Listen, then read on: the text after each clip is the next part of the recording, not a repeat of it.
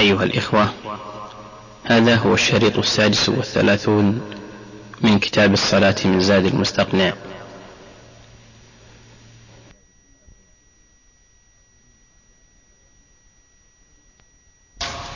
أنه يقنت كلما أوتر لأنه جعل القنوت من صفة الوتر اللازمة قال يقنت فيها بعد الركوع. ولكن من تدبر صلاة النبي صلى الله عليه وسلم في الليل التي شهدها جماعة من الصحابة تبين له أنه كان لا يوتر. لا يقنت. تبين أنه كان لا يقنت. لأنه لأنهم لا يذكرون القنوت مع أن الحاجة داعية إلى ذكره وذكروا ما هو أدنى منه. فدل هذا على أن الرسول صلى الله عليه وسلم لم يكن يقنت في الوتر. ولهذا لم يصح عنه أنه قنت في الوتر لكن روي أحاديث قد تصل إلى درجة الحسن وقد تنقص عنه. إلا أنه أخرج أهل السنن من حديث الحسن بن علي بن أبي طالب رضي الله عنهما أن النبي صلى الله عليه وسلم علمه دعاء يدعو به في قنوت الوتر. وهذا يقتضي أن للوتر قنوت يا بخاري ولكن ليس ليس بالسنة الدائمة التي يحافظ عليها كلما قنت. لأن السنة الدائمة لا يمكن أن يدعها الرسول صلى الله عليه وسلم. لكنها من السنن التي تفعل وإذا فعلها الإنسان فإنه يدعو بالدعاء الذي علمه النبي صلى الله عليه وسلم الحسن. أيضا قال المؤلف بعد الركوع فهل هذا المكان هو المتعين أو يجوز أن يقنت قبل ذلك؟ ظاهر كلام المؤلف أنه لا يشرع القنوت قبل الركوع ولكن المشهور من المذهب أنه يجوز القنوت قبل الركوع وبعد القراءة. فإذا انتهى من قراءته قنت ثم ركع لأنه ورد ذلك عن النبي عليه الصلاة والسلام. وعليه فتكون فيكون موضع القنوت من السنن المتنوعة التي يفعلها أحيانا هكذا وأحيانا هكذا. وقول المؤلف اللهم اهدني فيمن هديت سبقت الإشارة إليه وقلنا إنه يقول هذا إذا كان منفردا. أما الإمام فيقول اللهم اهدنا لأنه يدعو لنفسه ولغيره. وسبق لنا أن أن قوله اللهم اهدني فيمن هديت يعني في جملتهم وهذا نوع من إيش؟ من التوسل كأنه يقول كما هديت غيري فاهدني فيهم. طيب. وعافني فيما عافيت. كذلك نقول فيها ما قلنا فيه. اللهم اتني فيما هديت. وسبق لنا أن المعافاة تكون من أمراض القلوب. إيش؟ وأمراض الأبدان. وقال بعضهم المعافاة أن يعافيك الله من الناس ويعافي الناس منك. وهذا معنى طريف. أن يعافيك الله من الناس ويعافيك ويعافي الناس منك. يعافيك يعافيك الله من الناس فيكف ألسنتهم عن عن الخوض فيك. ويعافي الناس منك يكف لسانك عن الخوض فيهم وهذا لا شك أنه من العافية. إذا عافاك الله من الناس وعافى الناس منك فلا شك أنه من العافية. لكنه يعود على ما شرحنا بالأمس عافية البدن أو عافية القلب. القلب. عافية القلب. هذا في في في معافاة الناس منك. معافاتك من الناس أقرب ما لها أن تكون للبدن. قال وعافني في من عافيت. وتولني في من توليت. تولني في من توليت. هل هي من الولاية أو من الولا؟ يعني أن يليك. أو منهما جميعا. منهما جميعا. يعني تولني في من توليت اجعلني قريبا منك. كما يقال ولي فلان فلانا. وقال النبي عليه الصلاة والسلام ليلني منكم أولو الأحلام والنهى. يعني من الولاية وهي القرب. أو تولني في من توليت يعني اعتني بي. وكن وليا لي ناصرا لي معينا لي في أموري. أيهما؟ نقول يشمل الأمرين. يشمل الأمرين. وإن كان المتبادر إلى الذهن أنه من الموالاة وهي النصرة وهي النصرة. طيب. ونقول فيها اجعلني لك وليا. وليا بالولاية العامة أو الخاصة؟ بالولاية الخاصة. لأن الولاية العامة الشاملة لكل أحد.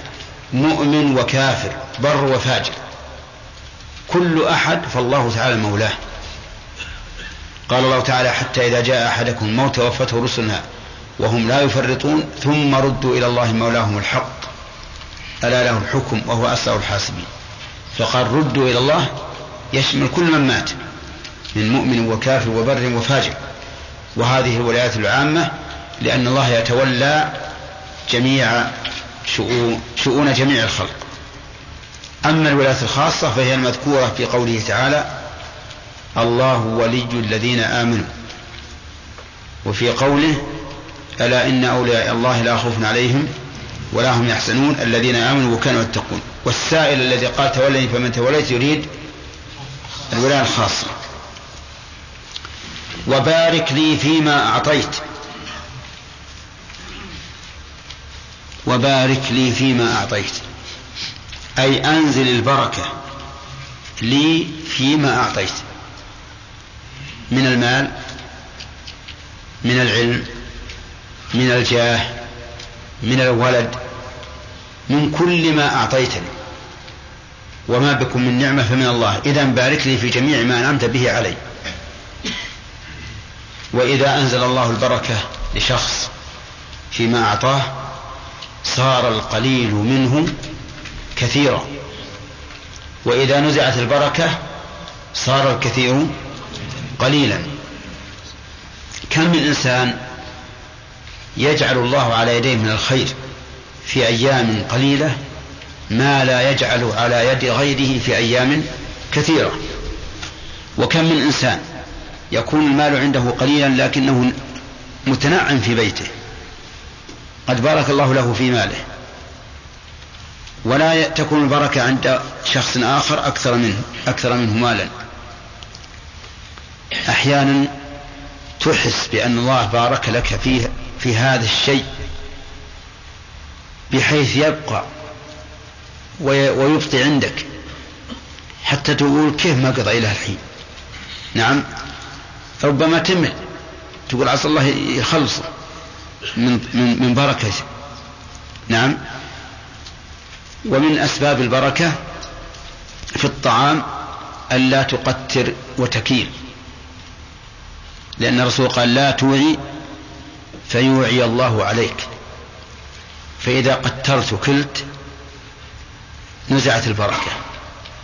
ولهذا تقول عائشة المؤمنين كان عندها شيء من الشعير. قد بارك الله له فيها. تأخذ منه وكأنه لا ينقص. تقول فكلته ذات يوم نشوف إيش اللي باقي منه ففني بسرعة. فني بسرعة. طيب إذا بارك لي فيما أعطيت نقول يشمل إيش؟ البركة في المال البركة في العلم البركة في الجاه البركة في الأولاد. كل شيء حتى في الزوجات وغيره إذا أنزل الله البركة للإنسان فهذه من نعمة الله عليه. وبارك لي فيما أعطيت. وقني شر ما قضيت. شر ما قضيت. ما؟ يا حجاج. اسم موصول ولا مصدرية؟ ها؟ اسم موصول. يعني قني شر الذي قضيت. شر الذي قضيت. لأن الذي يقضيه الله منه ما هو خير ومنه ما هو شر. فالمرض من قضاء الله. شر ولا خير؟ ها؟ شر بذاته لكن قد يكون يوصل إلى خير. إذا وفق الإنسان وصبر على هذا المرض صار خيرا له. لكن هو في حد ذاته شر. المصائب التي تصيب الإنسان في بدنه في ماله في أهله كلها شر. لكن قد تكون خيرا باعتبار آخر. إنما هي من قضاء الله ولا من غير قضاء الله؟ من قضاء الله. طيب نفسك من الله ولها شر ولا ما لها شر؟ لها شر. اللهم قني شر نفسي. إذا قنا شر ما قضيت أي شر الذي قضيته. لو قال قائل شر ما قضيت أجعل ما مصدرية. وأقول شر قضائك. قلنا هذا لا يصح إلا إذا أردت بالقضاء المقضي. أما أن يكون قضاء الله نفسه فإن أما أن يكون قضاء الله نفسه فإن قضاء الله ليس ليس بشر. لقول النبي صلى الله عليه وسلم والشر ليس إليك. والشر ليس إليك. قال الخير بيديك والشر ليس إليك. ولهذا لا يجوز أن تقول بيدك الخير والشر. بيدك الخير والشر لا يجوز.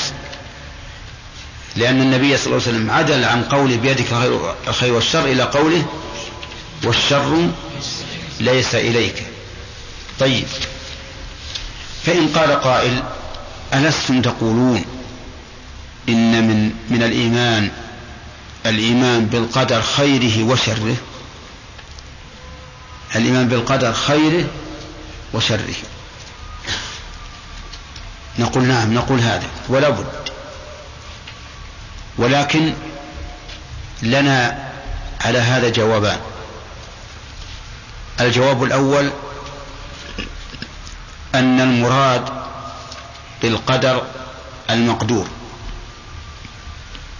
أن المراد بالقدر المقدور. والمقدور فيه الشر ولا لا؟ ها؟ فيه الشر. فالشر باعتبار المفعول لا باعتبار الفعل. الوجه الثاني أن نقول إن أنه شر باعتبار الفعل لكن هذا الشر له يترتب عليه خير كثير. هو شر من قضاء الله لكن فيه خير كثير مراد به خير كثير. الفساد في البر والبحر شر لكن إيش؟ خير ليذيقهم بعض الذي عملوا لعلهم يرجعون. ألست أنت تأتي بولدك الذي هو أحب الناس إليك ولدك ريحانة أحب الناس إليك وهو مريض وتأتي بالحديدة تحميها على النار حتى تتلهب وتكويه بها حتى يصرخ ويتألم هذا شر ولا مو بشر؟ ها؟ شر لكن ثمرته ثمرته خير. كذلك أفعال الله عز وجل. هي شر باعتبار باعتبار ذاتها. أما باعتبار ما أراد الله بها من الخير فهي خير. فهي خير. فالشر إذن أمر نسبي. أمر نسبي. أما حقيقة فعل الله فإنه ليس بشر إطلاقا. حتى لو وقع من الله عز وجل ما يسمى شرا فهو خير باعتبار آثاره الحميدة. وقوله ما قضيت أي شرعا أو قدرا. ها؟ ها؟ لا قدرا. شرعا ما في الشرع. كل ما قضاه الله شرعا فهو خير سواء أمر سواء كان أمرا أم نهيا. إذا فالمراد بالقضاء هنا القضاء القدري دون الشرع لأن الشرع كله خير. طيب القضاء القدري موجود في القرآن.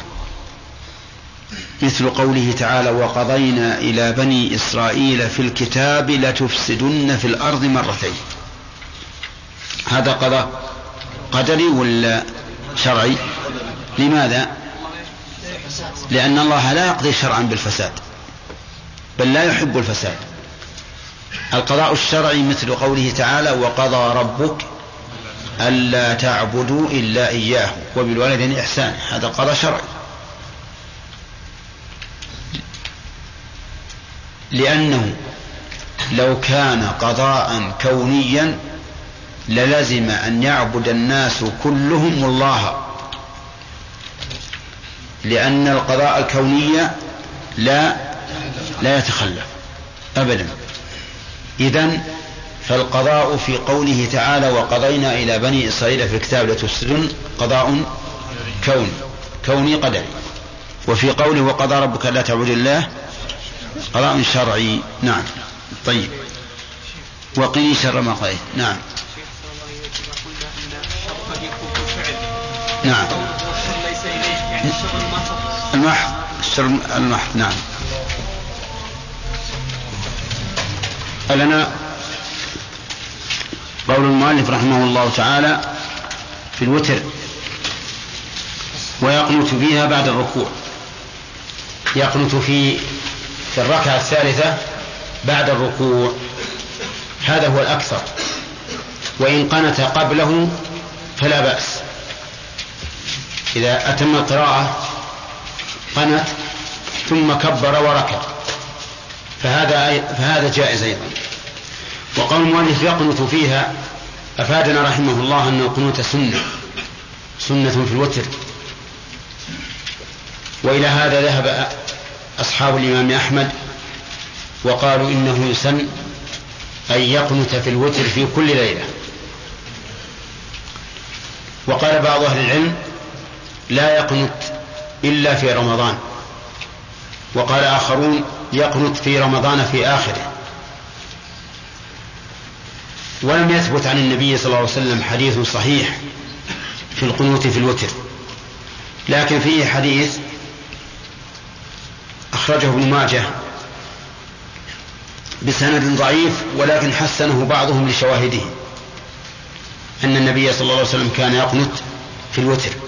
أما الإمام أحمد فقال إنه لم يصح عن النبي صلى الله عليه وسلم في الوتر قبل الركوع ولا بعده في القنوت في الوتر قبل الركوع ولا بعده شيء. لكن صح عن عمر رضي الله عنه أنه كان يقنت من السنة إلى السنة. والمتأمل لصلاة النبي صلى الله عليه وسلم في الليل يرى أنه لا يقنت. في الوتر. إنما يصلي ركعة يوثر بها ما صلى وينتهي. وهذا هو الأحسن أن لا تداوم على قنوت الوتر لأن ذلك لم يثبت عن رسول الله صلى الله عليه وسلم. ولكنه علم علي الحسن بن علي رضي الله عنه دعاء يدعو به في قنوت الوتر. وهذا يدل على أنه سنة لكن ليس من قوله ليس من فعله بل من قوله على أن بعض أهل العلم أعل حديث الحسن في علة وهي أن الحسن حين مات الرسول صلى الله عليه وسلم كان له ثمان سنوات ولكن هذه العلة ليست بقادحة لأن من له ثمان سنوات يمكن أن يعلم ويتلقن ويحفظ. فها هو عمرو بن سلمة الجرمي رضي الله عنه. كان يؤم قومه وله سبع أو ست سنين. يؤم قبيلة وله ست أو سبع سنين. يكون إماما له. لأنه كان أقرأهم. قال المؤلف فيقول اللهم اهدني فيمن هديت وعافني فيمن عافيت وسبق الكلام عليهم. وتولني فيمن توليت. يعني أسبغ علي ولايتك فيمن توليت. والولاية هنا يراد بها الولاية الخاصة دون الولاية العامة لأن ولاية الله للخلق تنقسم إلى قسمين ولاية عامة وولاية خاصة. فالعامة هي ولاية الملك والتدبير وهذه شاملة لجميع الخلق. كل الخلق فوليهم يا جمال. الذي يدبرهم من؟ الله. كما قال تعالى ثم ردوا إلى الله مولاهم الحق. أما الولاية الخاصة فهي ولاية تقتضي العناية. وهي الولاية التي استحقها من قال الله فيهم ألا إن أولياء الله لا خوف عليهم ولا هم يحزنون الذين آمنوا وكانوا يتقون. هؤلاء هم أهل الولاية الخاصة. الذين آمنوا وكانوا يتقون فجمعوا بين الولاية والتقوى. ولهذا نقول من كان مؤمنا تقيا كان لله وليا. والمراد بقول تولي في من توليت المراد بذلك أي الولايتين؟ الخاصة. نعم. لأن الأولى ثابتة سواء طلبت أم لم تطلب. وليك الله شئت أم أبيت. لكن الولاية الخاصة هي التي تطلب. وقول في من توليت أي في جملتهم. في جملة من توليت. وهذه كما أسلفنا يقصد بها التوسل إلى الله عز وجل بولايته لمن لغيرك أن يتولاك كما أن فيها الثناء على الله من جهة أخرى أنه قد من على كثير من عباده بالولاية. نعم. طيب ما يضر. قال وبارك لنا فيما أعطيت. نعم. وقنا شر ما قضيت. كل هذا أخذناه. وقنا شر ما قضيت. هذا وقفنا عليه. وقلنا إن إن ما قضاه الله عز وجل قد يكون خيرا وقد يكون شرا. فما هو الخير وما هو الشر؟ ما كان يلائم الإنسان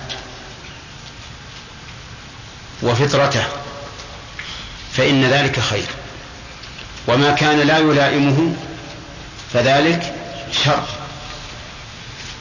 فالصحة والقوة والعلم والمال والولد الصالح وما أشبه ذلك هذا خير.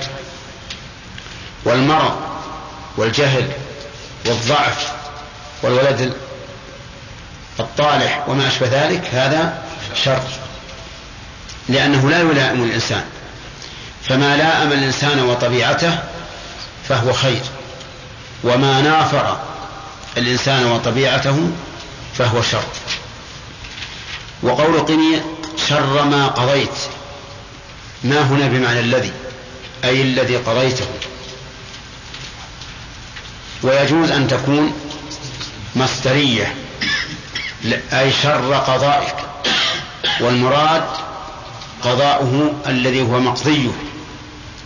لأن قضاء الله الذي هو فعله وإن كان شرا لكنه في الحقيقة خير لأنه لا يراد إلا لحكمة عظيمة. فالمرض مثلا قد لا يعرف الإنسان قدر نعمة الله عليه بالصحة إلا إذا مرض وقد يحدث له المرض توبة ورجوعا إلى الله ومعرفة لقدر نفسه وأنه ضعيف وأنه محتاج إلى الله عز وجل. بخلاف ما لو بقي الإنسان صحيحا معافى فإنه قد ينسى قدر هذه النعمة ويفتخر. كما قال الله تعالى ولئن أذقنا الإنسان منا رحمة ثم ثم نزعناها منه إنه ليئوس كفور.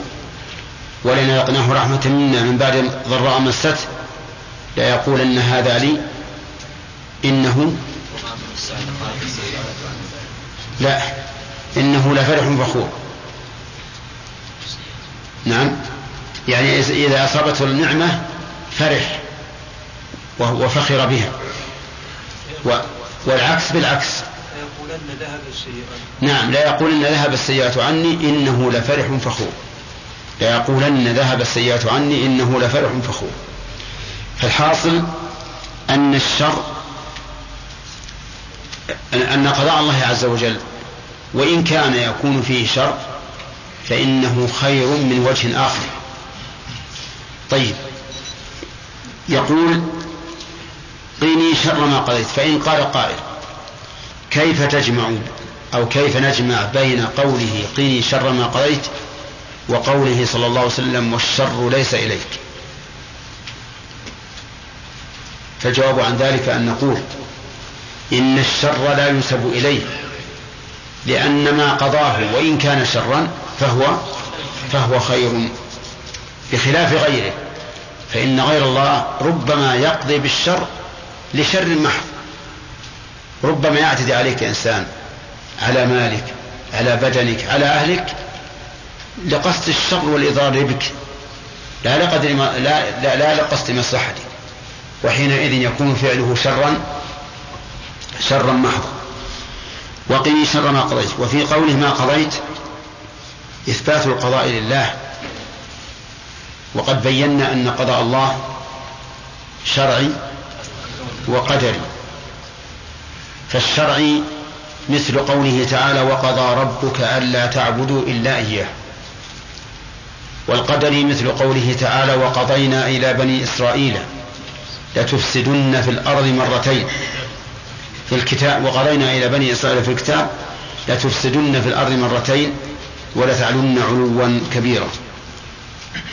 فالأول وقضى ربك لا تعبدوا إلا إياه شرعي والثاني قدري. والفرق بينهما من وجهين.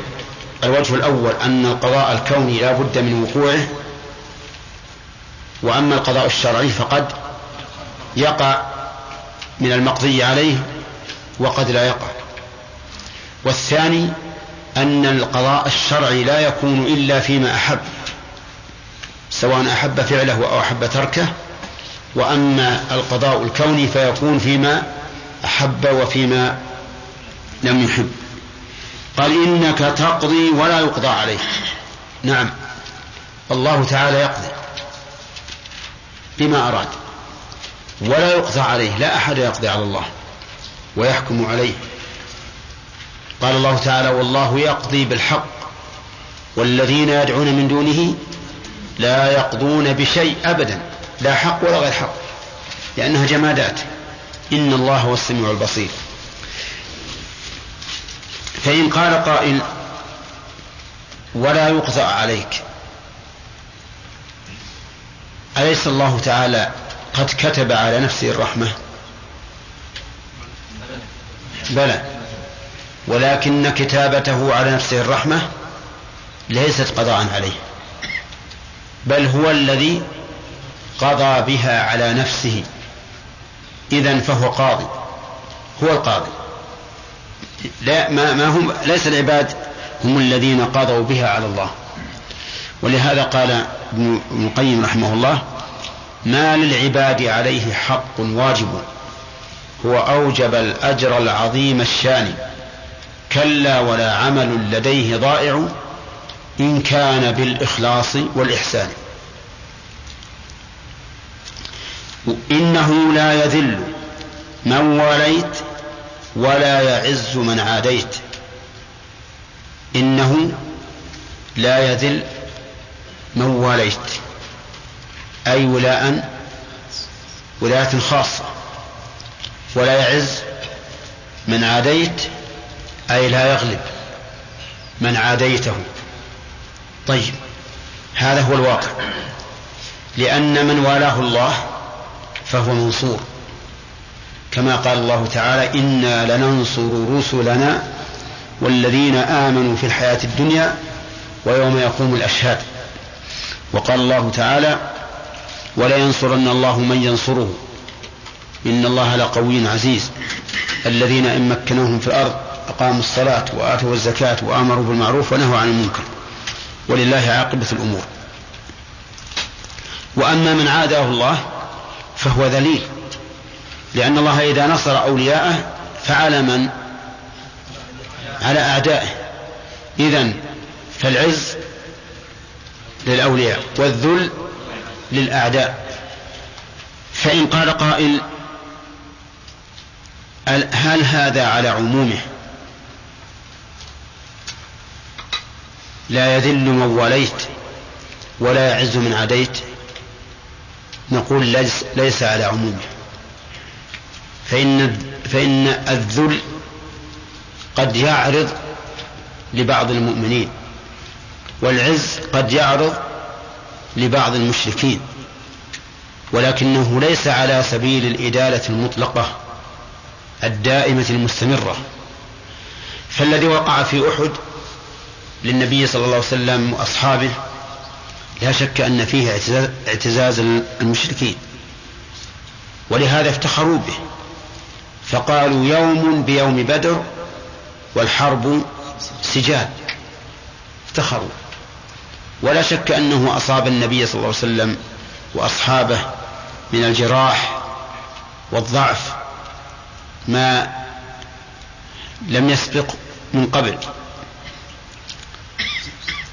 ولكن هذا شيء عارض. ليس عزا دائما مضطردا للمشركين. وليس ذلا للمؤمنين على وجه الدوام والاستمرار. وإنما هو عارض. ومع هذا ففيه مصالح عظيمة كثيرة. ذكرها الله تعالى في سورة آل عمران. واستوعب الكلام عليها ابن القيم رحمه الله في زاد المعاد في فقه هذه الغزوة. ذكر فوائد عظيمة من هذا من هذا الأمر الذي حصل للنبي صلى الله عليه وسلم وأصحابه. إذا فلنا أن نقول نعم هذا ليس على عمومه ويخص بالأحوال العارضة. ولنا أن نقول إنه عام باق على عمومه. لا يخصص منه شيء لكنه عام أريد به الخصوص. يعني أنه أن المراد لا يذل ذلا دائما ولا يعز عزا دائما. وعلى هذا فلا يحتاج أن نقول إنه عام دخله التخصيص بل نقول إنه من الأصل. لم يقصد به العموم وإنما قصد به العز المعين والذل المعين. فالذل على سبيل الإطلاق هذا منفي عن أولياء الله والعز لأعداء الله على سبيل الإطلاق هذا أيضا منفي. نعم. ولا يعز من عديت وتباركت ربنا وتعاليت. في هذا أشكال يحله لنا هداية الله. تباركت ربنا. كيف قال ربنا؟ والمعروف أن الفاعل مرفوع. هذا هذا مضاف. والياء محذوفة منه يا رب. إي وين جاء؟ وأين الفاعل؟ تبارك فاعل تبارك. والجملة من هذا كله إي لكن فاعل تبارك. تبارك التاء تاء. التاء. ها؟ تمام. تباركت ربنا. التقدير تباركت يا ربنا. ومعنى التبارك في الله عز وجل أنه أنه سبحانه وتعالى منزل البركة وأن بذكره يحصل البركة وباسمه يحصل البركة. ومن ولذلك نجد أن الرجل لو قال على الذبيحة بسم الله صارت حلالا. ولو لم يقل بسم الله صارت حراما. ولو قال بسم الله على وضوئه صار صحيحا. ولو لم يقل بسم الله صار غير صحيح عند كثير من أهل العلم. وإن كان الصحيح أنه لا يشترط ولا تجب التسمية في الوضوء لكن على القول بأنها واجبة إذا تركها عمدا بطل وضوء لم يصح وضوءه. طيب. وقول ربنا أي يا ربنا. وحذفت ياء النداء لسببين لكثرة الاستعمال وللتبرك بالبداءة بسم الله عز وجل. وقوله ربنا اسم من أسماء الله.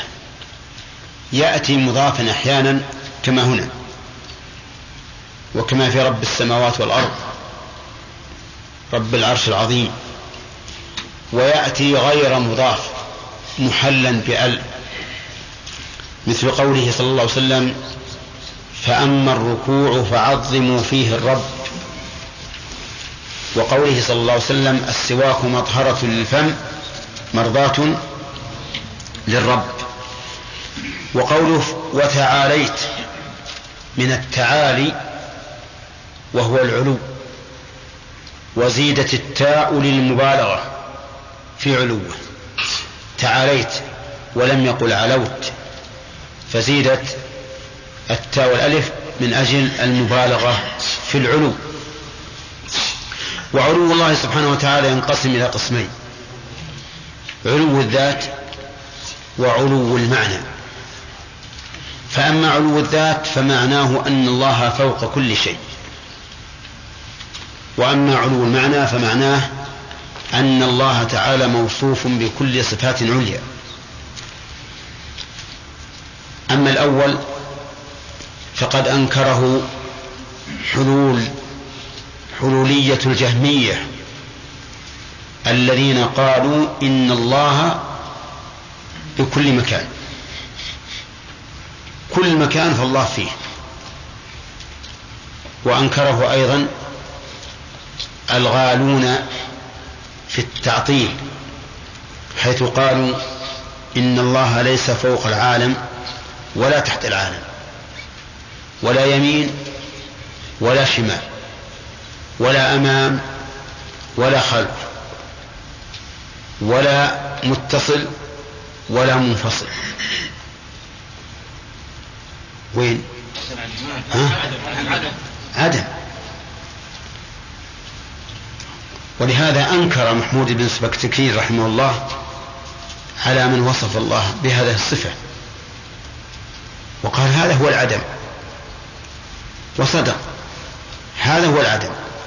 فأنكر ذلك طائفتان طائفة غلوا في الإثبات وطائفة غلوا في النفي. طائفة قالوا ما يمكن نقول الله في جهة إطلاقا. وطائفة قال بل نقول في كل مكان. أما أهل السنة والجماعة فقالوا إن الله سبحانه وتعالى فوق كل شيء بذاته. واستدلوا لذلك بأدلة خمسة. الكتاب والسنة والإجماع والعقل والفطرة. خمسة أدلة. كل ما يمكن من أجناس الأدلة فهي موجودة في ثبوت علو الله. الكتاب مملوء بذلك مملوء بذلك تارة بلفظ العلو مثل سبح اسم ربك الأعلى وتارة بلفظ الفوقية مثل وهو القاهر فوق عباده وتارة بذكر عروج الأشياء إليه وصعودها إليه مثل تعرج الملائكة والروح إليه إليه يصعد الكلم الطيب. وتارة بنزول الأشياء منه. يدبر الأمر من السماء إلى الأرض. وأما السنة فكذلك اجتمع فيها أنواع السنة ثلاثة. القول والفعل والإقرار. أما القول فكان رسول الله صلى الله عليه وسلم يقول في سجوده سبحان ربي الأعلى.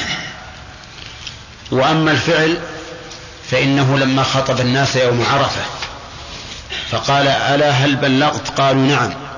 قال اللهم فاشهد. يرفع إصبعه إلى السماء وينكتها إلى الناس. وهذا هذا إثبات للعلو بإيش؟ بالفعل.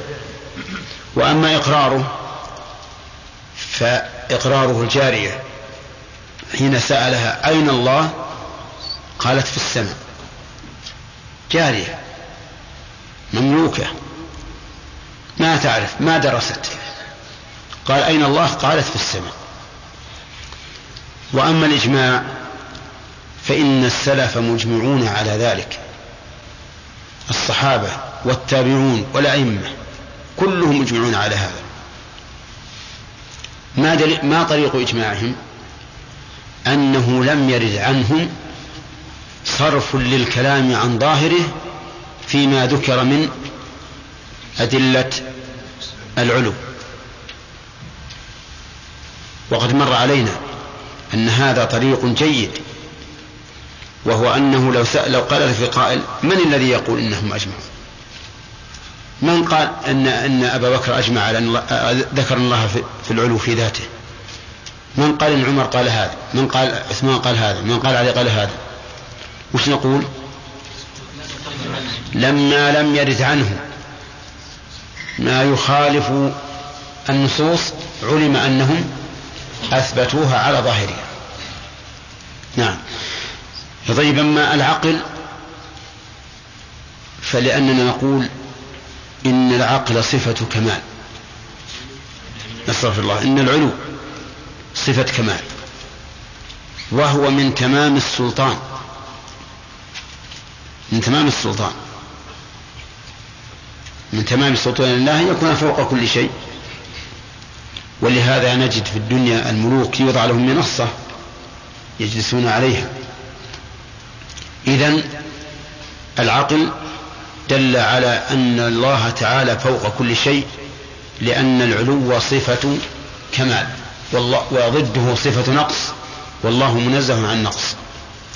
الفطرة حدث ولا حرج العجوز التي لا تعرف القرآن قراءة تامة ولا تعرف السنة ولا رجعت فتاوي شيخ الإسلام ابن تيمية ولا غيره من كتب السلف تعرف أن الله في السماء أليس كذلك؟ كل المسلمين إذا دعوا الله يرفعون أيديهم إلى أين؟ إلى السماء ما في واحد من الناس يقول اللهم اغفر لي وحط يدي الأرض. أبدا. كل الناس يرفعون أيديهم إلى السماء. ولهذا احتج بهذه الفطرة الضرورية احتج أبو المعالي الجويني آه احتج الهمداني. أبو العلا أبو الأعلى الهمداني على أبي المعالي الجويني. كان أبو المعالي الجويني يقول كان الله ولم يكن شيء غيره. وهو الآن على ما كان عليه. يريد بذلك أن ينكر استواء الله على العرش. فقال له أبو العلاء الحمداني رحمه الله يا شيخ دعنا من ذكر العرش. لأن استواء الله على العرش دليله سمعي لولا أن الله أخبرنا بذلك ما أثبتناه. فما تقول في هذه الضرورة؟ ما قال عارف قط يا الله إلا وجد من قلبه ضرورة بطلب العلو. صح؟ كل واحد يقول يا الله وين يروح قلبه؟ يفر قلبه للسماء. فجعل يضرب على رأسه. يقول حيرني حيرني. ما لقى جواب على هذا. لأن هذا دليل فطري. حتى إنه إن الحيوان مفطور على ذلك. كما يروى في قصة سليمان عليه الصلاة والسلام حين خرج يستسقي.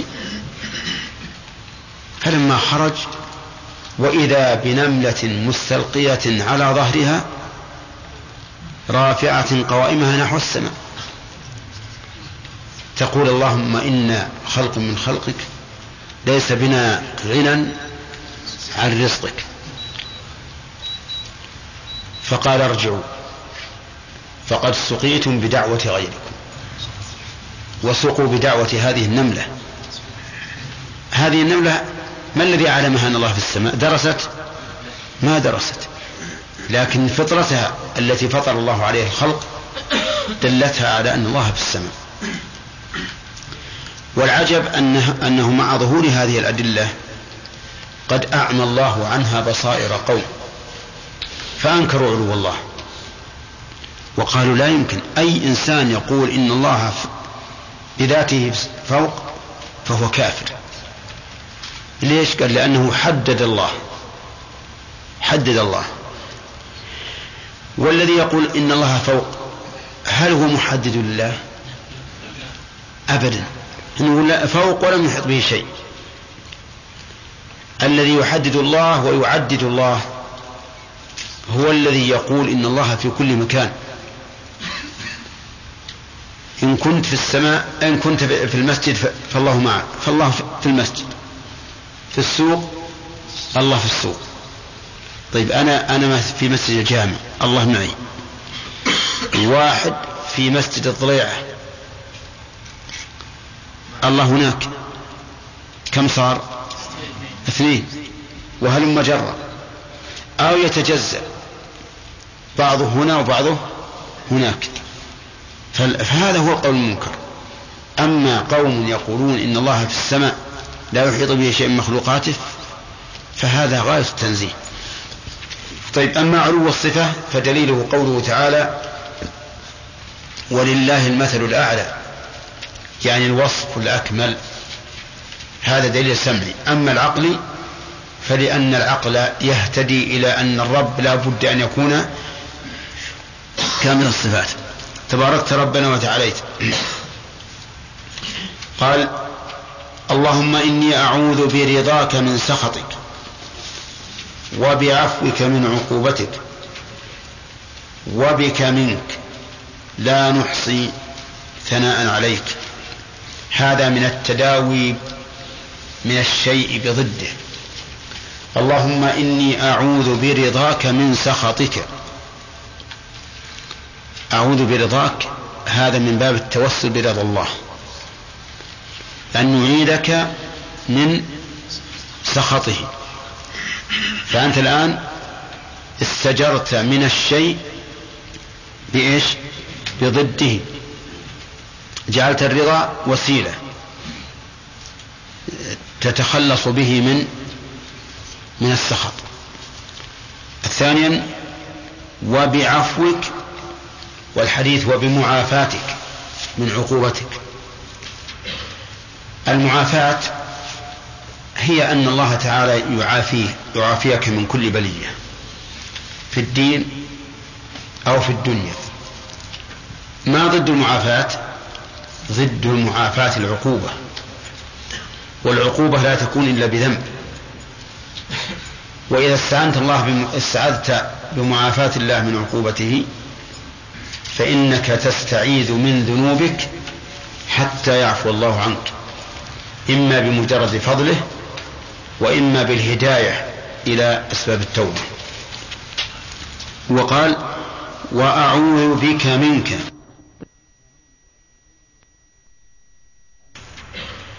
المعافاة هي أن الله تعالى يعافيه يعافيك من كل بلية في الدين أو في الدنيا. ما ضد المعافاة؟ ضد المعافاة العقوبة. والعقوبة لا تكون إلا بذنب.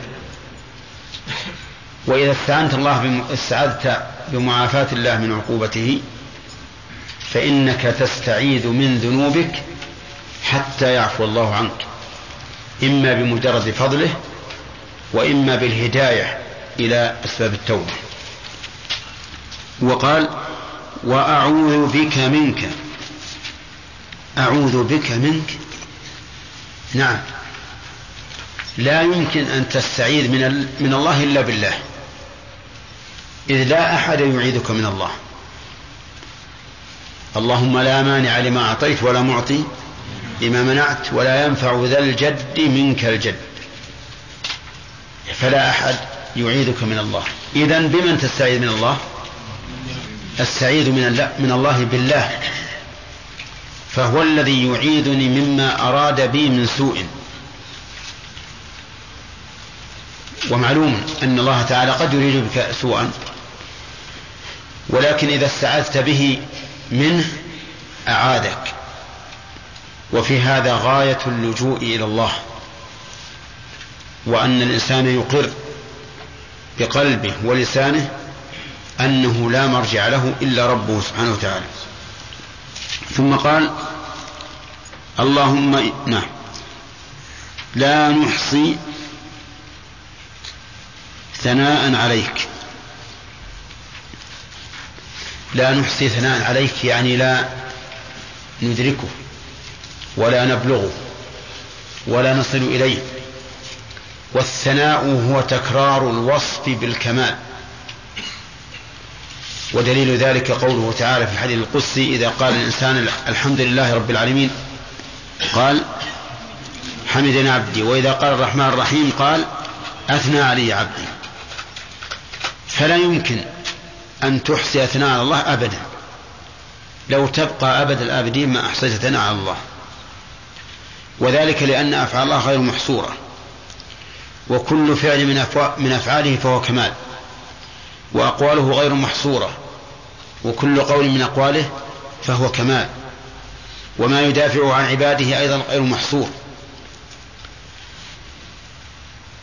فالثناء على الله به لا يمكن.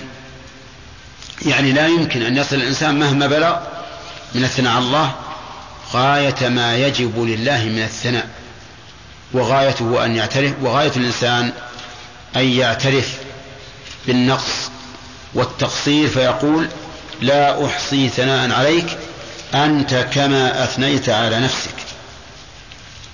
يعني أنت يا ربنا كما أثنيت على نفسك أما نحن فلا نستطيع أن نحصي الثناء عليك.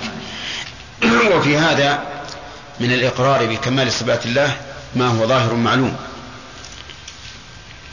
ثم قال اللهم صل على محمد وعلى آل محمد. يعني يختم الدعاء بالصلاة على النبي صلى الله عليه وسلم. لأن ذلك من أسباب الإجابة. كما يروى ذلك في حديث فيه مقال أن الدعاء موقوف بين السماء والأرض حتى تصلي على نبيك. وظاهر كلام المؤلف الاقتصار على هذا الدعاء. ولكن لو أن الإنسان زاد فلا بأس لأن المقام مقام دعاء. وكان أبو هريرة رضي الله عنه يقنت بلعن الكافرين فيقول اللهم لعن الكفرة وهذا ليس في هذا الدعاء. مما يدل على أن الأمر في ذلك واسع. وأيضا لو لو فرض أن الإنسان لا يستطيع أن يدعو بهذا الدعاء فله أن يدعو بما شاء مما يحضره. ثم قال نعم اللهم صل على محمد وعلى آل محمد. الصلاة على النبي صلى الله عليه وسلم يعني إيش؟ الثناء عليه في الملأ الأعلى.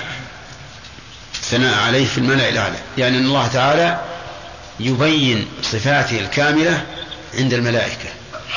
وعلى آله من هم؟ آله أتباعه على دينه. لقوله تعالى ويوم تقوم الساعة أدخلوا آل فرعون أشد العذاب. يعني أتباعه على دينه. ما لم يذكر الأتباع فيقيل وعلى آله وأتباعه. صار المراد بالآل المؤمنين من أهل بيته. وقد قال الشاعر مبينا أن المراد بالآل الأتباع. قال آل النبي هم أتباع ملته من الأعاجم والسودان والعرب. لو لم, لو لم يكن آله إلا قرابته صلى المصلي على الطاغي أبي لهب. وهذا الإيراد ليس بوارد. لماذا؟ لأن الذين يقولون إن المراد بآله قرابته يقيدون ذلك بالمؤمنين بالمؤمنين منهم. وأما غير المؤمنين فليسوا من آله. نعم. قال ويمسح وجهه بيديه. ويمسح وجه وجهه بيديه. هذه ظاهر كلام المؤلف أنه سنة. يسن المسح باليد بعد الدعاء سواء في القنوت أو في غيره.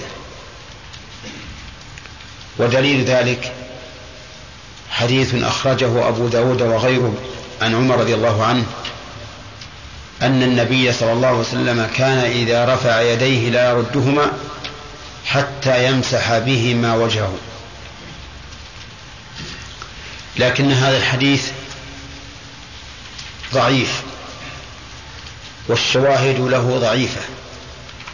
ولهذا رد شيخ الإسلام ابن تيمية هذا القول. وقال إنه لا يمسح الداعي وجهه بيديه لأن المسح باليدين عبادة يحتاج إلى دليل صحيح يكون حجة للإنسان عند الله إذا عمل به. أما حديث ضعيف فإنه لا تثبت به حجة. لكن ابن حجر في بلوغ المرام قال إن مجموع الأحاديث الشاهدة لهذا يقضي بأنه حديث حسن. فمن حسنه كان العمل بذلك سنة عنده ومن لم يحسنه بل بقي ضعيفا عنده كان العمل بذلك بدعة. ولهذا كانت الأقوال في هذه المسألة ثلاثة. قول بأنه سنة وقول بأنه بدعة وقول بأنه لا سنة ليس سنة ولا بدعة. يعني أنه يباح إن فعل لم نبدعه وإن ترك لم ننقص عمله. والأقرب أنه ليس بسنة لأن الأحاديث الواردة في هذا ضعيفة ولا يمكن أن نثبت سنة بحديث ضعيف. وهذا ما ذهب إليه شيخ الإسلام ابن تيمية. نعم جمال. كيف يكون الإنسان من الله؟ هذا ليس فيه سوء أدب. لا. يفر من الله من سوء قضائه. إلى الله. يعني مثلا لو قضى الله عليك بسوء إلى من تفر؟ إلى الله. قال الله تعالى ففروا إلى الله. تفر الله من, من أين؟ منه. الآن مثلا ولله المثل الأعلى لو أن شخصا أراد أن يبطش بشخص ثم جاء يركض يتخمخم ويتوسل إليه. وش؟ فر منه إليه. وهذا معروف حتى عند كل حتى عند الصغار. إذا إذا أراد يضربوه يجي لما يركض. ها؟ يخمخم ويقول دخيلك دخيل. يعني أستعيذ بك منك. هذا هذا هو المعنى نعم قائلون الإباحة المطلقة نعم. نعم. وجه قولهم رحمهم الله كأنه لما تعارضت عندهم الأدلة في الصحة أو الضعف قالوا لا لا نأمره ولا نهاه نعم. نعم. نعم. لا هم يقول في احتمال إنه صحيح إنه حسن يعني. في احتمال إنه حسن. ولأجل هذا الاحتمال لا نكرهه أو لا نكرهه. نعم. قال النبي صلى الله عليه وسلم اللهم اني اعوذ برضاك من سخطك ومغفرتك من عقوبتك وهي يا شيخ توسل بصفات الله سبحانه وتعالى. بلى توسل بصفات الله جائز. ذكرنا شيخ إنه ما يجوز. لا ما يجوز. دعاء دعاء صفة الله. دعاء الصفة هو الذي لا يجوز. أما التوسل بها فهو جائز. نعم. الزيادة في الأدعية المسجوعة ها؟ الزيادة في الأدعية المسجوعة الزيادة بالأدعية المسجوعة إن كانت هذه الأدعية ليس لها معنى أو ربما يكون معناها مشكل. مثل أنخنا مطايانا ببابك فلا تبعدنا عن جنابك فإن أبعدت فإن أبعدتنا فلا حول ولا قوة إلا بك. فهذا لا شك أن أقل ما أقل حوله كراهة وإذا كان سجعا ليس فيه شيء ليس فيه محذور فإن أطال على الناس حتى شق عليهم فهو منهي عنه. لأن النبي صلى الله عليه وسلم غضب على على معاذ بن جبل حين أطال على الناس إلا أن يكون عدد الناس محصورا وقالوا يا فلان أطل من الدعاء لنا. فإذا كان العدد محصورا مثل أن كان أهل المزرعة في مسجد محصورون محصور محصورون وقالوا لإمامهم أطل بنا في الدعاء فهذا لا بأس نعم أحمد سمعت واحد يعني في رمضان يدعي في الوتر يقول سبحان من لا تراه العيون ولا تخالطه الظنون. إيه. صحيح هذا لعله أشعري. وش معناته لا ولا تخالطه الظنون؟ لا وش معنى لا تراه العيون؟ والرسول عليه الصلاة والسلام يقول إنكم سترون ربكم عيانا كما ترون القمر ليلة البدر. يقصد في الدنيا. نعم ما قال في الدنيا. ما قال في الدنيا لكن لو قصد في الدنيا كان الشطر الثاني نعم والشطر الثاني ما في كلام. وحتى أيضا لو قصد في الدنيا مشكل لأن الرسول اختلف العلماء هل رأى ربه أم لا أما الثاني ولا تخالطه الظنون فالمعنى أن الإنسان لا يدرك الله تعالى بظنه أو وهمه. هذا معناه وعلى كل هذه من السجع المذموم الذي يحمل معنى منكرا من وجه ومعنى مبهما من وجه آخر. أي نعم. نعم. الله إليك آه، بالنسبة للشيخ ورد في حديث في عند البخاري عن ابن عباس نعم. أنه يعني قال نهينا أن نسجع في الدعاء نعم. هذا مرادها السجع الذي يختلف به المعنى أو السجع المتكلف. وأما وأما السجع الذي لا يتكلف فالرسول سجع بالدعاء. اللهم حوالينا ولا علينا. هذا سجن نوع من السجن وله أمثلة كثيرة. نعم. دعاء اللهم إني أعوذ برضاك ها؟ دعاء اللهم إني أعوذ برضاك. ما ورد يا شيخ المقالة في السجود؟ يمكن قال في السجود. ولا مانع. لا مانع أن يقول في السجود وفي وفي دعاء الاستفتاح أيضا ورد أدعية في الاستفتاح تقال في السجود. نعم. طيب نعم. بسم الله عليك. جملة. كما أثنيت على نفسك موقعا مقابلة المعنى. الله نكدت عليه لما قبله. لما قال لا نحسن عليك لأنك كما أثنيت على نفسك. يعني الله سبحانه أحصى صفات الثناء نفسه نعم معلوم الله عز وجل يحسن كل شيء نعم بالنسبة للدعاء في السجود يعني يكون إذا واحد يدعي في السجود هل يجوز أن يختم بالصلاة على النبي صلى الله عليه وسلم؟ وش السؤال؟ يقول هل يختم إذا دعا في السجود بالصلاة على النبي صلى الله عليه وسلم؟ الجواب لا. لأن لأن الصلاة لها ختام بالصلاة على النبي صلى الله عليه وسلم. في التشهد الأخير يصلي على النبي صلى الله عليه وسلم.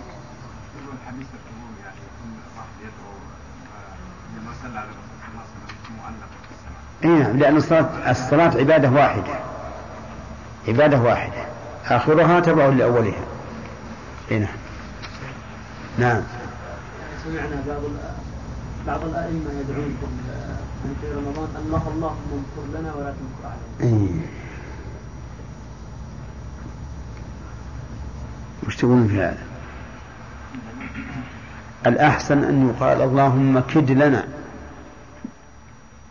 ولا تكد علينا ويجوز أن تقول اللهم امكر لنا ولا تمكر علينا لأن الله قال كذلك كدنا ليوسف كدنا له وقال في الكافرين إنهم يكيدون كيدا وأكيد كيدا.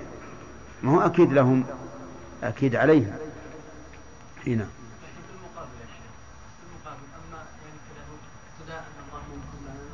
إي. لا ما فيها لأن لا, ما فيها شيء. يعني ما فيها شيء لكن لو إن كان هذا وارد في الحديث فلا بأس وإن كان ما ورد فهو بمعنى أكيد. كد لنا ولا تكد علينا. نعم.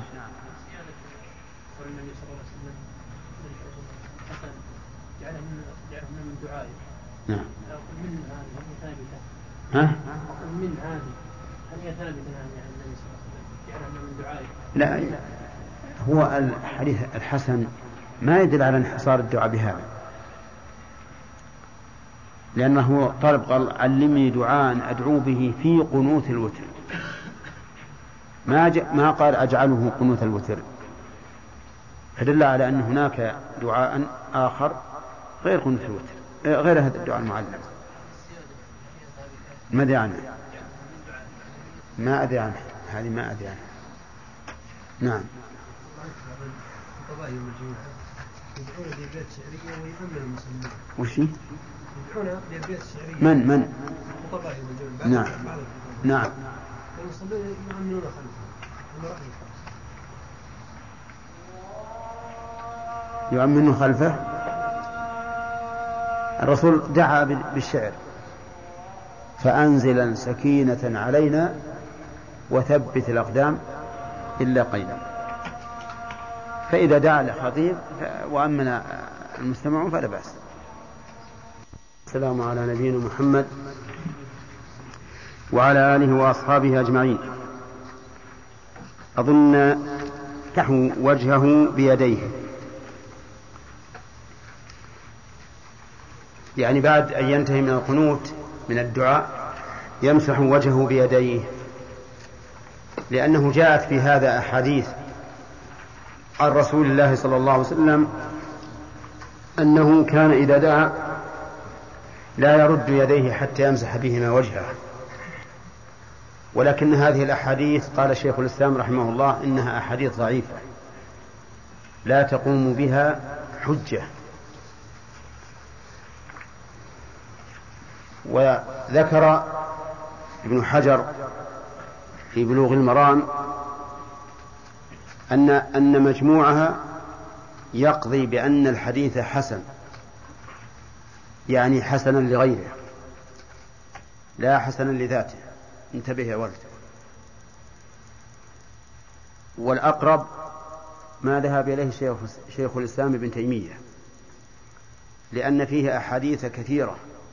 في الصحيحين وغيرهما كان الرسول صلى الله عليه وسلم يدعو ويرفع يديه ولا يمسح بهما وجهه.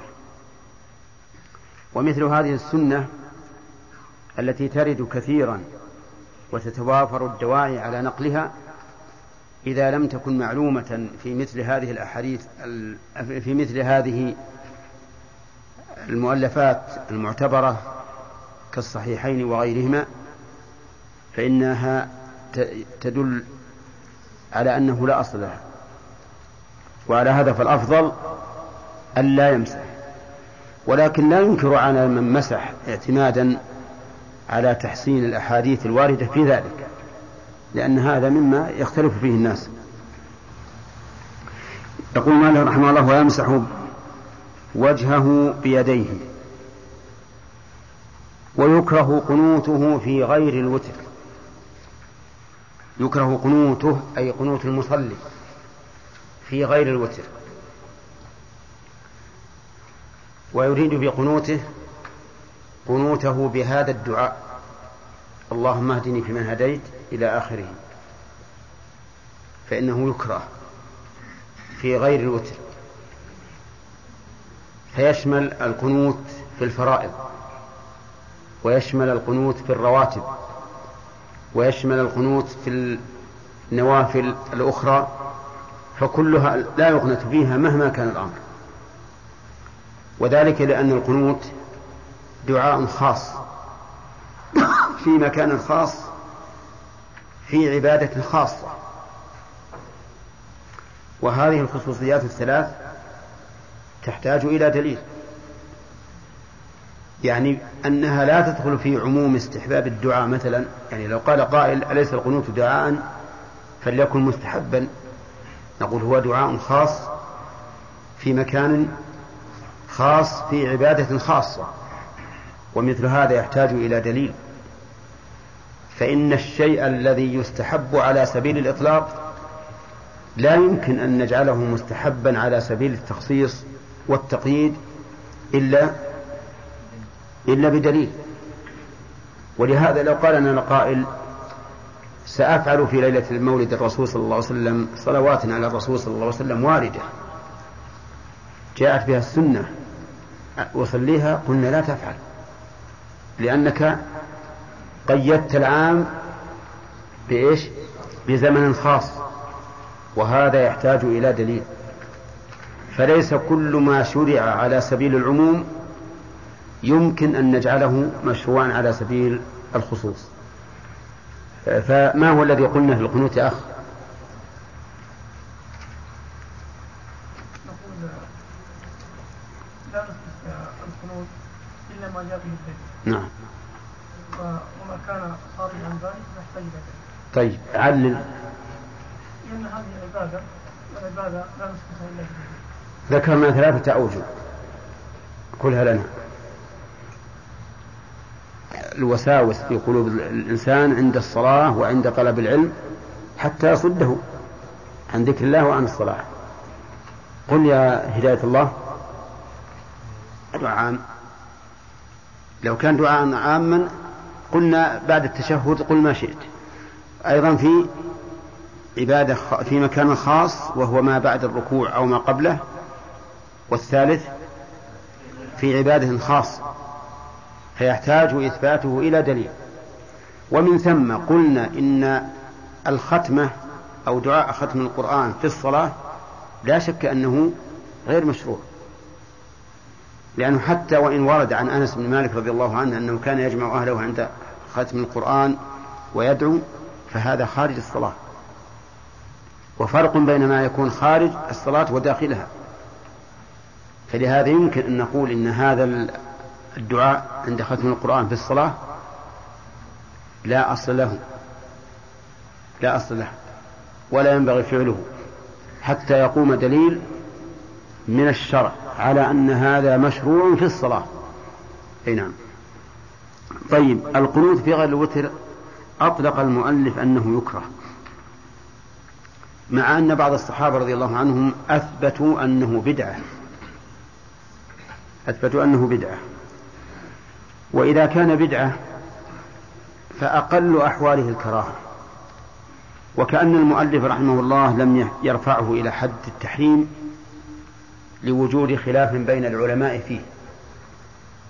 قال المؤلف إلا أن تنزل أو أن ينزل بالمسلمين نازلة غير الطاعون فيقنت الإمام في الفرائض. إلا أن تنزل بالمسلمين نازلة بالمسلمين. أما إن نزلت بالكفار نازلة فذلك مما يشكر الله عليه وليس مما يدعى برفعه. لكن إذا نزل بالمسلمين نازلة والنازلة هي الشديدة من شدائد الدهر. إذا نزل بهم شدة من شدائد الدهر بالمسلمين يقول المؤلف غير الطاعون. الطاعون وباء معروف فتاك معدي. إذا نزل بأرض فإنه لا يجوز الذهاب إليها. وإذا وقع في أرض فإنه لا يجوز الخروج منها فرارا منه. لأن النبي صلى الله عليه وسلم قال إذا سمعتم به في أرض فلا تقدموا عليها وإن وقع وأنتم فيها فلا تخرجوا منها فرارا منه. وهذا الطاعون نسأل الله العافية. إذا نزل أهلك أمما كثيرة كما في طاعون عمواس الذي وقع في الشام في عهد عمر رضي الله عنه حتى قيل إنه يموت في اليوم الواحد نحو ألف, ألف نفر. مع أن العدد في ذلك الوقت ليسوا بمثل هذا العدد الحاضر. هذا النوع من الوباء إذا نزل بالمسلمين فقد اختلف العلماء رحمهم الله هل يدعى برفعه أو لا. فقال بعض العلماء إنه يدعى برفعه لأنه نازلة من من نوازل الدهر وأي شيء أعظم من أن يفني هذا الوباء أمة محمد. فلا ولا ملجأ للناس إلا إلا الله عز وجل. فيدعون الله ويسألونه رفعه. ومنهم من قال لا لا يدعى وعلل ذلك بأنه شهادة. فإن الرسول صلى الله عليه وسلم أخبر بأن المطعون شهيد. قالوا ولا ينبغي أن نقنت من أجل رفع شيء يكون سببا لنا في الشهادة. بل نسلم الأمر إلى الله وإذا شاء الله واقتضت حكمته أن يرفعه رفعه. وإلا يبقى ومن فني بهذا المرض فإنه يفنى على الشهادة كما أخبر بذلك النبي صلى الله عليه وسلم. فصار للعلماء قولان هل يقنت لرفع الطاعون أو لا يقنت؟ فمنهم من قال إنه يقنت لأنه نازلة عظيمة تؤدي إلى فناء المسلمين ومنهم من قال إنه لا يقنت له أي لرفعه لأنه شهادة. قال فيقنت الإمام في الفرائض. لو كان عندي تصحيح لا أخبرتكم بها أنا ما أبخل عليكم بالتصحيح. قال فيقنت الإمام في الفرائض. فيقنت نقرأها بالرفع ولا بالنصب؟ لا. بالرفع استئنافا. يعني إلا أن تنزل فحينئذ يقنت الإمام. لأنك لو قلت إنها معطوفة تنزل وقلت إلا أن تنزل فيقنت ما بينت الحكم. ما بينت الحكم هل يقنت أم لا. المهم إذا نزل بالمسلمين نازلة قال فيقنت الإمام في الفرائض. يقنت. ولم يبين المؤلف حكم هذا القنوت. لكنه استثناه من من الكراهة. يكره قنوته في غير الوتر إلا أن تنزل فيقنت. فحينئذ يستثنى من من الكراهة. وإذا استثني من الكراهة وثبت فعله في الصلاة فإنه يكون مستحبا. لأنه إذا ثبت فعله في الصلاة بموجب الاستثناء لزم أن يكون من أذكار الصلاة. وحينئذ يكون مستحبا. وعلى هذا فقول المؤلف فيقنت الإمام يعني استحبابا. وقد أجمع العلماء على أن هذا القنوت ليس بواجب. أجمعوا على أنه ليس بواجب. يعني لو تركه الناس لم يأثموا. لكن الأفضل أن يقنت الإمام. وقول مؤلف الإمام من يعني به الإمام؟ من يعني بالإمام؟ إذا أطلق الفقهاء الإمام فالمراد به القائد الأعلى في الدولة. القائد الأعلى في الدولة يعني الذي له السلطة العليا هو الإمام فيكون القانت الإمام وحده أما بقية الناس فلا يقنتون يعني لا يقنت إلا. إلا المسجد الذي يصلي فيه الإمام فقط فيقنت الإمام لماذا؟ قالوا لأن الرسول صلى الله عليه وسلم قنت عند النوازل ولم يأمر أحدا بالقنوت ولم يقنت أحد من المساجد في عهده صلى الله عليه وسلم. ولأن هذا القنوت لأمر نزل بالمسلمين عامة والذي له الولاية العامة على المسلمين هو الإمام فيختص الحكم به ولا يشرع لغيره. وهذا هو المشهور من مذهب الإمام أحمد. القول الثاني في المسألة أنه يقنت كل إمام. فتقنت المساجد يقنت بها أئمتها. والقول الثالث والأخير اختيار شيخ الإسلام ابن تيمية رحمه الله. واستدل بعموم قوله صلى الله عليه وسلم صلوا. والأخير اختيار شيخ الإسلام ابن تيمية رحمه الله. واستدل بعموم قوله صلى الله عليه وسلم صلوا كما رأيتموني أصلي. وهذا العموم يشمل ما كان النبي صلى الله عليه وسلم يفعله في صلاته على سبيل الاستمرار وما يفعله في صلاته على سبيل الحوادث النازلة فيكون القنوت عند النوازل مشروعا لكل أحد. ولكن على كل حال الذي أرى في هذه المسألة أن يقتصر على أمر ولي الأمر. فإن أمر بالقنوت قنتنا وإن سكت سكتنا. ولنا ولله الحمد مكان آخر في الصلاة ندعو به أو ندعو فيه وهو السجود وفي التشهد وهذا فيه خير وبركة أقرب ما يكون العبد من ربه وهو ساجد. وقول وقول المؤلف يقنت الإمام في الفرائض. ليس المراد أن يدعو بالقنوت الذي مر بدعاء القنوت الذي علمه الرسول صلى الله عليه وسلم الحسن. بل يقنت بدعاء مناسب للنازلة التي نزلت. ولهذا كان الرسول صلى الله عليه وسلم يدعو في هذا القنوت بما يناسب النازلة. ليس يدعو فيقول اللهم اهدني فيما هديت كما يفعل بعض العامة. هذا هذا لم يرد عن الرسول عليه الصلاة والسلام أبدا. لا في حديث صحيح ولا ضعيف. أنه كان يقول اللهم اهدني فيما هديت في الفرائض, في الفرائض. إنما يدعو بالدعاء المناسب لتلك النازلة. فمرة دعا صلى الله عليه وسلم لقوم من المستضعفين أن ينجيهم الله عز وجل. حتى قدموا.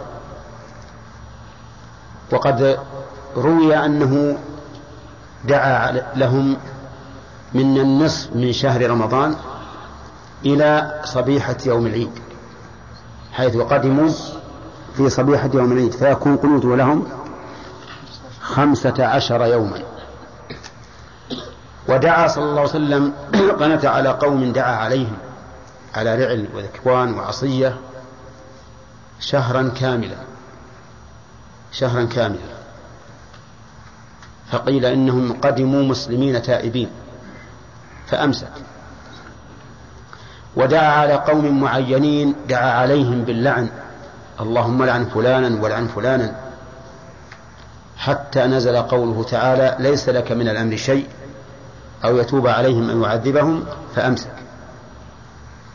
فصار دعاء النبي صلى الله عليه وسلم بالقنوت دعاء مناسبا وعلى قدر إيش؟ على قدر الحاجة. على قدر الحاجة. لم يستمر. يقول إلا أن تنزل بالمسلمين نازلة غير الطاعون فيقنت الإمام في الفرائض. قال في الشرح فيقنت الإمام الأعظم استحبابا. الإمام الأعظم قلت لكم إنه من له السلطة العليا في البلد. طيب إذا قنت يقول في الفرائض في الفرائض ال دخلت على جمع فتفيد آه العموم يعني في الفجر والظهر والعصر والمغرب والعشاء. وليس خاصا بصلاة الفجر بل في كل الصلوات. هكذا صح عن النبي صلى الله عليه وسلم أنه قنت في جميع الصلوات. طيب. واستثنى بعض العلماء الجمعة. استثنى بعض العلماء الجمعة وقال إنه لا يقنت فيها. لأن الأحاديث الواردة عن رسول الله صلى الله عليه وسلم أنه قنت في الصلوات الخمس الفجر والظهر والمغرب والعشاء الفجر والظهر والعصر والمغرب والعشاء ولم تذكر الجمعة. والجمعة صلاة مستقلة لا تدخل في مسمى الظهر عند الإطلاق. ولهذا لا تجمع العصر إليها فيما لو, أر... لو كان الإنسان مسافرا وصلى الجمعة وهو يريد أن يمشي وأراد أن يجمع العصر إلى الجمعة نقول لا يجوز هذا لأنها صلاة من جنس آخر مستقلة. وعلل بعضهم أيضا ذلك بأن الإمام يدعو في خطبة الجمعة يدعو دعاء عاما يؤمن الناس عليه في خطبة الجمعة فيدعو لرفع النازلة في خطبة الجمعة ويكتفى بهذا الدعاء عن القنوت في صلاة الجمعة. ويرى بعض أهل العلم أنه لا, لا وجه للاستثناء وإنما لم ينص عليها في الحديث ألو... في الأحاديث الواردة عن رسول الله صلى الله عليه وسلم لأنها يوم واحد في الأسبوع. فلهذا تركت. ويدل لهذا أن الرسول صلى الله عليه وسلم إذا علم عن الصلاة المفروضة لا يذكر إلا الصلوات الخمس لأنها هي الراتبة الموجودة التي ترد على الإنسان في كل يوم بخلاف الجمعة. فالظاهر أنه أنه يقنت حتى في صلاة الجمعة. طيب وإذا قلنا بالقنوت في الصلوات الخمس فإن كان في الجهرية فمن المعلوم أنه يجهر به. وإن كان في السرية فإنه يجهر به أيضا كما جاء ثبتت به السنة أنه كان يقنت ويؤمن الناس وراءه. ولا يمكن أن يؤمنوا عليه إلا إذا كان إيش؟ يجهر. وعلى هذا فيسن أن يجهر ولو في الصلاة السرية. يسن أن يجهر ولو في الصلاة السرية. نعم. طيب. شوف يا آه القنوت القنوت هل يكون قبل الركوع أو بعد الركوع؟ أكثر الأحاديث والذي عليه أكثر أهل العلم أن القنوت بعد الركوع. أن يعني القنوت بعد الركوع. وإن قنت قبل الركوع فلا حرج. يعني كمل القراءة ثم دعا ثم ركع فلا حرج. فهو الآن يخير بين أن يركع إذا كمل القراءة ثم إذا رفع وقال ربنا ولك الحمد قنت كما هو أكثر الروايات وعليه أكثر أهل العلم. أو إذا أتم القراءة دعا ثم كبر وركع. كل هذا جاءت به السنة ولا حرج فيه. قال فيقنط الإمام في الفرائض. والتراويح. عشرون ركعة. التراويح مبتدأ. وعشرون ركعة خبر المبتدأ والتراويح سنة مؤكدة لأنها من قيام رمضان. وقد قال النبي صلى الله عليه وسلم من قام رمضان إيمانا واحتسابا غفر له ما تقدم من ذنبه. نعم. حكمها؟ الدليل. إنها من قيام رمضان قال رسول الله صلى الله عليه وسلم في قيام رمضان من قام رمضان من حسابه غفر الله ما تقدم من ذنبه. نعم. وسمي التراويح لأن من عادتهم أنهم إذا صلوا أربع ركعات جلسوا قليلا ليستريحوا. وعلى ذلك يعني بناء على حديث عائشة رضي الله عنها أن النبي صلى الله عليه وسلم كان يصلي أربعا فلا تسأل عن حسنهن وطولهن. ثم يصلي أربعا فلا تسأل عن حسنهن وطولهن ثم يصلي ثلاثا.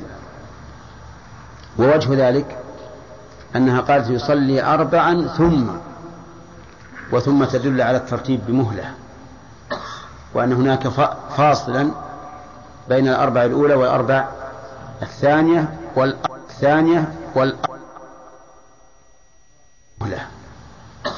وأن هناك فاصلا بين الأربع الأولى والأربع الثانية والأربع الثانية والثلاث الأخيرة. وهذه الأربع يسلم من كل ركعتين كما جاء ذلك مصرحا به في حديث عائشة أنه كان يصلي إحدى عشرة ركعة يسلم من كل ركعتين. خلافا لمن توهم من بعض طلبة العلم أن الأربع تجمع. الأولى والأربعة الثانية تجمع. فإن ذلك وهم. سببه عدم تتبع طرق الحديث من وجه وعدم النظر إلى الحديث العام حديث ابن عمر رضي الله عنهما أن النبي صلى الله عليه وسلم سئل عن صلاة الليل فقال هي مثنى مثنى. وعلى هذا فكل حديث مطلق في عدد الركعات في الليل يجب أن يحمل على هذا الحديث المقيد وهو أنها إيش؟ مثنى مثنى. أما ما صرح فيه بعدم ذلك كالوتر بخمس أو سبع أو تسع فهذا يكون مخصصا لعموم هذا الحديث. إذا لماذا قالت عائشة يصلي أربعا ثم يصلي أربعا؟ نقول لأنه جمع الأربعة الأولى في آن واحد. فصلى ركعتين ثم وصلهما فورا بالركعتين الأخرين ثم جلس وأمهل. ثم استأنف وصلى ركعتين ثم أتبعهما بركعتين ثم جلس فأمهل ثم صلى ثلاثا. أخذ السلف من هذا أن يصلوا أربع ركعات بتسليمتين ثم يستريح ثم يصلوا أربعا ثم يستريح ثم يصلوا ثلاثا. إذا إذا إذا إذا قاموا بإحدى عشرة ركعة. طيب والمؤلف يقول رحمه الله يقول آه، عشرون ركعة. عشرون ركعة. التراويح عشرون ركعة. إذا أضفنا إليها أدنى الكمال في الوتر تكون تكون لا تكون ثلاثا وعشرين. تكون ثلاثا وعشرين. في فيصلي التراويح عشرين ركعة ثم يصلي الوتر ثلاث ركعات. ويكون الجميع ثلاثا وعشرين ركعة. هذا قيام رمضان.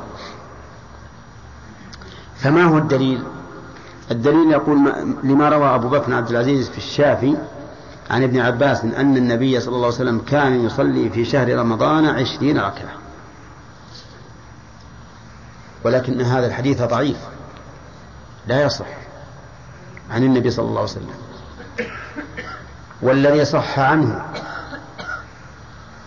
من أعلم الناس به في الليل عائشة أم المؤمنين رضي الله عنها أنه كان لا يزيد على إحدى عشرة ركعة.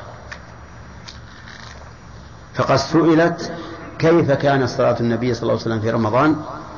فقالت كان لا يزيد في رمضان ولا غيره على إحدى عشرة ركعة. وهذا نص صريح من عائشة وهي من أعلم الناس به في ما يفعله ليلا تقول إنه كان لا يزيد على إحدى عشرة ركعة.